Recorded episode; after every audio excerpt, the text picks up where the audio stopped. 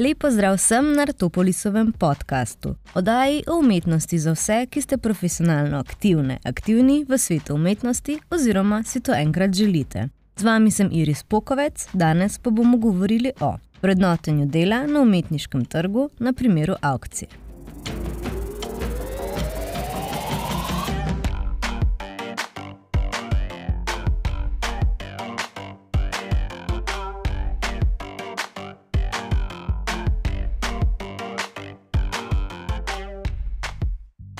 O aukcijah in aukcijskih hišah, o Lot 39, o slabem Jasperju Jonesu in dobrem Basquaju. V knjigi Seven Days in the Art World Sara Thornton opisuje dogajanje na eni izmed dražb aukcijske hiše Christie's v New Yorku.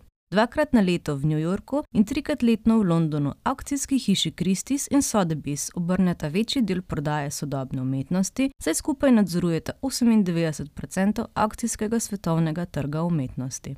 Umetniški svet, poleg umetnikov samih, sestavlja še pet drugih vlog, ki so enako ali celo bolj pomembne od samega umetnika. To so posrednik, kurator, kritik, zbiratelj in aukcijski ekspert. Umetniški trg pa se ukvarja z ljudmi, ki prodajajo ali kupujejo umetniška dela, kar pa pravzaprav izključuje kritike, kuratorje in umetnike, katerih poklici niso neposredno vezani na prodajo del. Čeprav se sliši skoraj na neverjetno, da umetnik sam praviloma sploh ne sodeluje pri prodaji lastnih del, je to pravzaprav ustaljena praksa. Tortonova opisuje dražbo kot elitni družbeni dogodek, kot spektatorski šport visoke družbe, na katerem vsi fantastično oblečeni glasno pozdravljajo svoje znance, vendar se delijo na dve skupine. Na tiste, ki so živčni zaradi prodaje del, in tiste, ki so si prišli zadevo le ogledati in ne licitirajo, torej so se na mesto v gledališče odločili iti na dražbo in tam sproščeno klepetajo ob šampancu. Kot sem že omenila, so umetniki skoraj da nikoli ne udeležujejo dražb, na katerih se prodaja njihova dela, in tudi dražb nasploh, saj so vedno znova razočarani, kako akcijske hiše in umetnostni trg obravnavajo umetnost kot blago in kako v tem svetu umetniška dela, kot so kipi in slike, postanejo zgolj lot 39.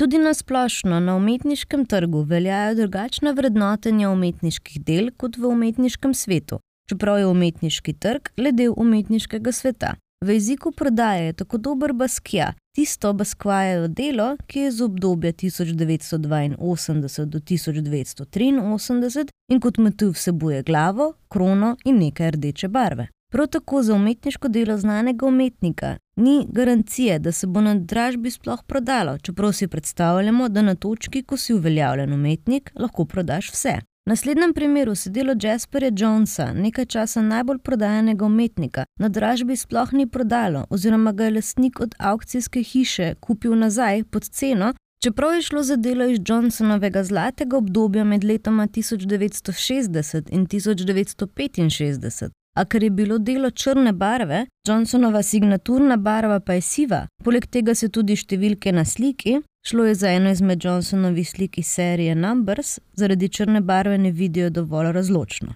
Iz tega se da razbrati, da na umetniškem trgu primarne vrednosti ne nosi pomen umetniškega dela, temveč se ga razdeli na prodajne točke, po angliško selling points, ki navadno fetišizirajo začetne sledi umetnikovega signaturnega izrazoslovja.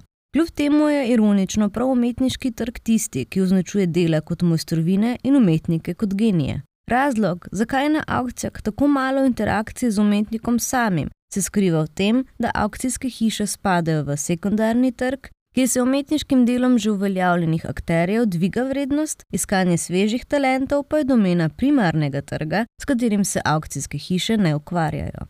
Najbolj znana akterja primarnega trga sta Larry Gagosian in Charles Sači, ki sta med zvezde izstrelila nekateri izmed danes najznamenitejših umetnikov.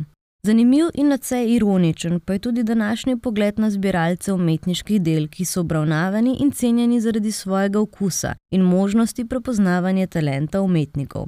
Ves blišč, ki ga imajo slavni in milijone vredni umetniki, dobi precej grenak pri okusu ideji, da smo samo menjava blaga za tiste, katerim se pripišeta vsa čast in slava s tem, da nas odkrijejo in potegnejo ven iz naših luken.